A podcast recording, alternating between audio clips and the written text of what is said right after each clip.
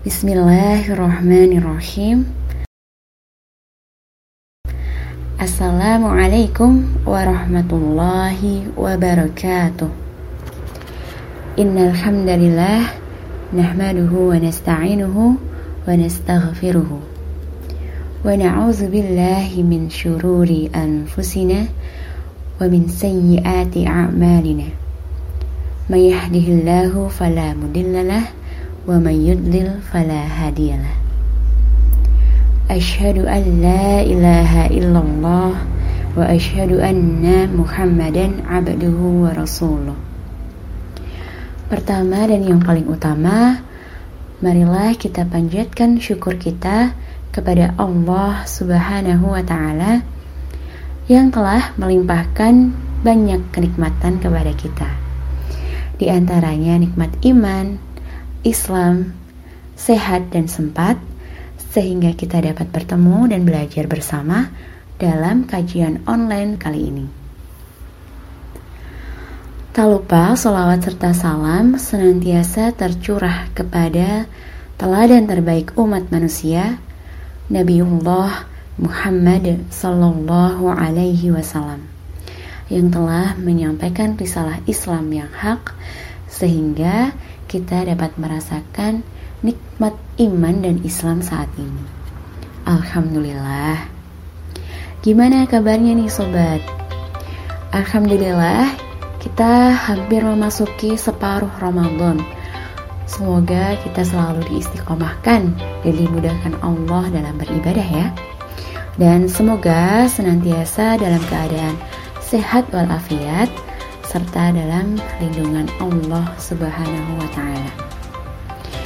Oh iya, meskipun kita hanya dapat bersua via online, semoga tidak menyurutkan semangat kita dalam belajar Islam ya sobat. Tak kenal maka tak sayang, maka izinkan saya memperkenalkan diri.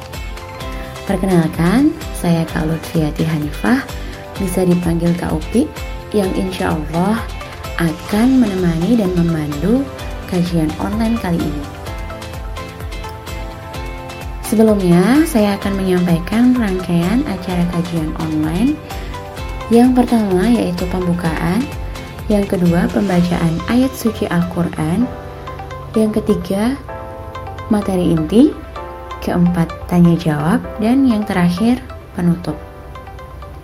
Langsung saja kita awali kajian online kali ini dengan membaca basmalah dan dilanjutkan membaca surat Al-Fatihah bersama-sama. أعوذ بالله من الشيطان الرجيم بسم الله الرحمن الرحيم حرمت عليكم الميتة والدم ولحم الخنزير وما أهل لغير الله به والمنخنقة والمنخنقة والموقوذة والمتردية والنطيحة وما أكل السبع إلا ما زكيتم وما ذبح على النصب وأن تستقسموا بالأزلام ذلكم فسق اليوم يئس الذين كفروا من دينكم فلا تخشوهم واخشون. اليوم أكملت لكم دينكم وأتممت عليكم نعمتي ورضيت لكم الإسلام دينا. فمن اضطر في مخمصة غير متجانف لإثم فإن الله غفور رحيم Diharamkan bagimu memakan bangkai, darah, daging babi, dan daging hewan yang disembelih bukan atas nama Allah, yang tercekik, yang dipukul, yang jatuh, yang ditanduk, dan yang diterkam binatang buas kecuali yang sempat kamu sembelih. Dan diharamkan pula yang disembelih untuk berhala. Dan diharamkan pula mengundi nasib dengan azlam atau anak panah. Karena itu suatu perbuatan fasik. Pada hari ini orang-orang kafir telah putus asa untuk mengalahkan agamamu. Sebab itu janganlah kamu takut kepada mereka. Tetapi takutlah kepadaku. Pada hari ini telah aku sempurnakan agamamu untukmu, dan telah aku cukupkan nikmatku bagimu, dan telah aku ridai Islam sebagai agamamu. Tetapi barang siapa terpaksa karena lapar, bukan karena ingin berbuat dosa, maka sungguh Allah Maha Pengampun, Maha Penyayang. Fasda' bima tu'maru wa a'rid 'anil musyrikin. Maka sampaikanlah Muhammad secara terang-terangan segala apa yang diperintahkan kepadamu, dan berpalinglah dari orang yang musyrik.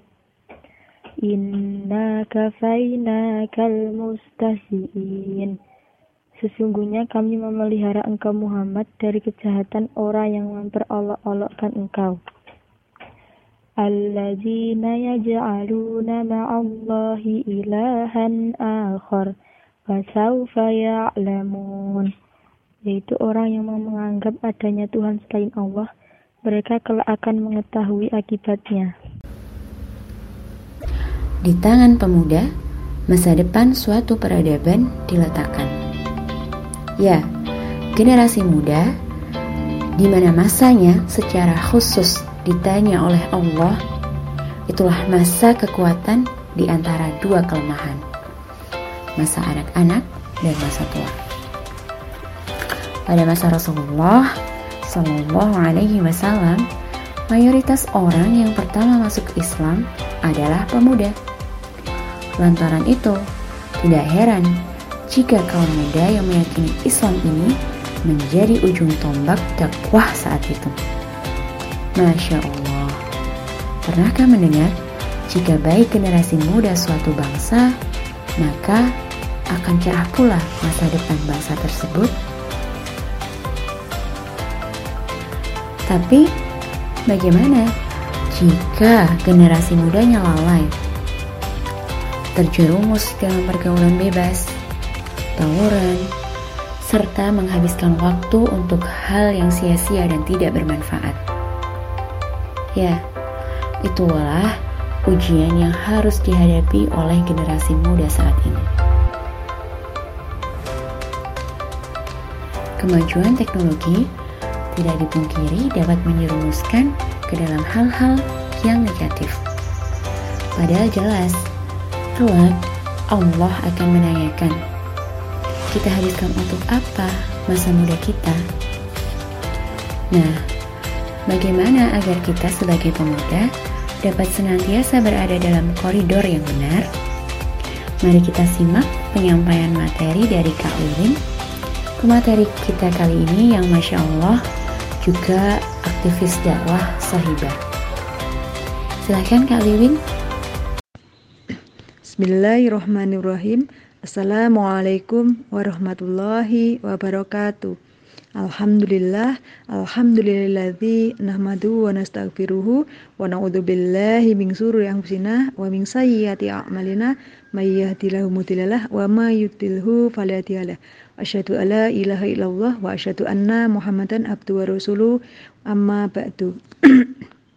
Alhamdulillah, pada hari ini kita masih bisa bernapas dengan segar, sehingga masih bisa melanjutkan agenda kita, yaitu kajian Sobat Ijrah melalui online yang insya Allah dimuliakan Allah. Dan Alhamdulillah kita sudah memasuki bulan Ramadan. Semoga semua amal ibadah kita di bulan Ramadan di bulan yang penuh rahmat dan maghfirah ini diterima Allah Azza wa Jalla. Amin. Sobat Hijrah, meski kita saum tahun ini masih pandemi, tapi kita tetap istiqomah dan selalu jaga kondisi badan kita biar tetap fit ya sobat. Semoga kita semua selalu dalam lindungannya. Amin. Nah, kali ini kita akan membahas fenomena-fenomena generasi muda sekarang ini. Sahabat hijrah, Generasi muda adalah generasi harapan bangsa. Jika generasi mudanya baik dan berkualitas, maka akan cerahlah masa depan satu suatu bangsa. Maka perhatian pada kondisi dan nasib generasi muda ini harus menjadi perhatian utama bagi suatu bangsa yang memiliki visi menjadi bangsa yang maju dan bermartabat. Jika negara abai dalam perhatian dan perlindungannya pada generasi muda, maka jangan heran kalau yang terbentuk adalah generasi yang lalai terhadap masa depan bangsa. Memperhatikan kondisi generasi muda Indonesia saat ini uh, sangat memprihatinkan. Betapa tidak, setiap kita klik kasus kasus-kasus yang terjadi di negeri ini, sebagian besar pelakunya adalah generasi muda seperti tawuran yang terjadi antar sekolahan, pacaran, narkoba, porno aksi, pornografi, dan lain-lain. Gadget pun yang, yang seharusnya dipakai untuk wasilah meraup ilmu malah dipakai untuk game online dan mengakses aplikasi-aplikasi yang tidak bermanfaat. Generasi cenderung sibuk dengan gadgetnya daripada hal-hal yang bermanfaat. Bahkan generasi sekarang banyak yang kecanduan gadget. Generasi remaja saat ini memang hidup di era yang sudah sangat jauh dari suasana Islam. Pergaulan sudah didominasi nilai-nilai permisif dan kebebasan. Kebaikan dan keburukan standarnya bukan lagi halal haram, melainkan kemanfaatan. Mereka sudah kehilangan rumah sebagai naungan, kehilangan ibu, ayah sebagai panutan, kehilangan keluarga sebagai tempat berkasih sayang dan istirahat, kehilangan sekolah sebagai tempat membangun mimpi dan cita-cita. Bahkan mereka telah kehilangan agama sebagai kebanggaan dan identitas. Semua tergantikan oleh jalanan, oleh benda mati bernama gawe, oleh komunitas-komunitas yang tidak jelas, oleh musik dan lampu klub malam, oleh mantra-mantra picisan di novel-novel dan film-film tentang cinta. Jadilah mereka remaja yang serba lebay. Bisa jadi mereka pintar tapi rapuh ketika menghadapi persoalan, mudah marah, mudah lemah, senang memaki, gemar membuli, dan melabeli agresif, putus asa, posesif, bucin, split uh, personality, mental disorder, dan pelaku-pelaku uh, negatif lainnya. Tampak betapa rasionalitas dan kematangan emosi menjadi hal yang jauh dari karakter mayoritas remaja kita hari ini. Arah hidup didekte oleh iklan uh, atau oleh tren opini media yang dilalahnya efektif uh, menyebar nilai-nilai kerusakan. Aktivitas yang miskin manfaat dan membahayakan diri uh, sendiri bahkan terkadang mengganggu orang lain ini digandrungi remaja karena mereka tidak memiliki arah hidup yang jelas. Belum lagi jika kita bicara kasus pergaulan bebas di kalangan remaja. Terlalu banyak kasus yang menyesakkan dada karena tingkah pola remaja yang asik masuk menikmati kesenangan sesaat tanpa ikatan pernikahan. Terlalu banyak fenomena dunia remaja yang mengkhawatirkan masa muda yang seharusnya diisi dengan segudang prestasi dan inovasi yang bisa membangun diri dan e, bangsa ini tersia-siakan dengan berbagai aktivitas semu meski e, miskin manfaat, merusak diri dan masa depan dan masa depan bahkan melanggar fitrah e, insaniahnya. Kualitas generasi muda sangat menentukan kualitas peradaban bangsa. Generasi muda berkualitas tidak hanya ahli dalam sains dan teknologi, melainkan juga memiliki kepribadian yang khas, perilaku soleh, dan bertakwa. Profil generasi berkualitas adalah sebagaimana diungkap Sayyid Qutb mereka adalah generasi yang teguh dengan iman, berpendidikan, dan bersikap tegas dalam menghadapi kemungkaran.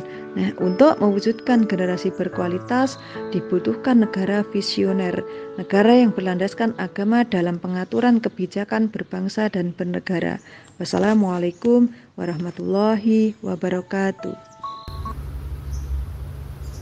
Masya Allah. Jazakillahu khair Kak Wiwin atas penyampaian materi yang insya Allah sangat bermanfaat untuk kita. Nah untuk teman-teman Sobat Hijrah yang ada pertanyaan Tidak perlu sungkan ya Silahkan langsung saja boleh ditanyakan Sekali lagi kami ucapkan terima kasih untuk Kak Wiwin dan juga teman-teman semuanya Jazakumullahu khair atas partisipasinya. Akhirnya, kita sampai juga nih di penghujung acara. Saya mewakili teman-teman penyelenggara kajian ini, mohon maaf apabila ada yang tidak berkenan. Marilah kita tutup acara hari ini dengan istighfar tiga kali, hamdalah dan doa penutup majelis. Sekali lagi, saya sebagai host mohon maaf apabila ada kekurangan dan kesalahan. Dan apabila ada baiknya, itu datangnya dari Allah Subhanahu wa Ta'ala. Sampai jumpa pada kajian selanjutnya. Jangan lupa jaga kesehatan dan semangat berpuasa. Wassalamualaikum warahmatullahi wabarakatuh.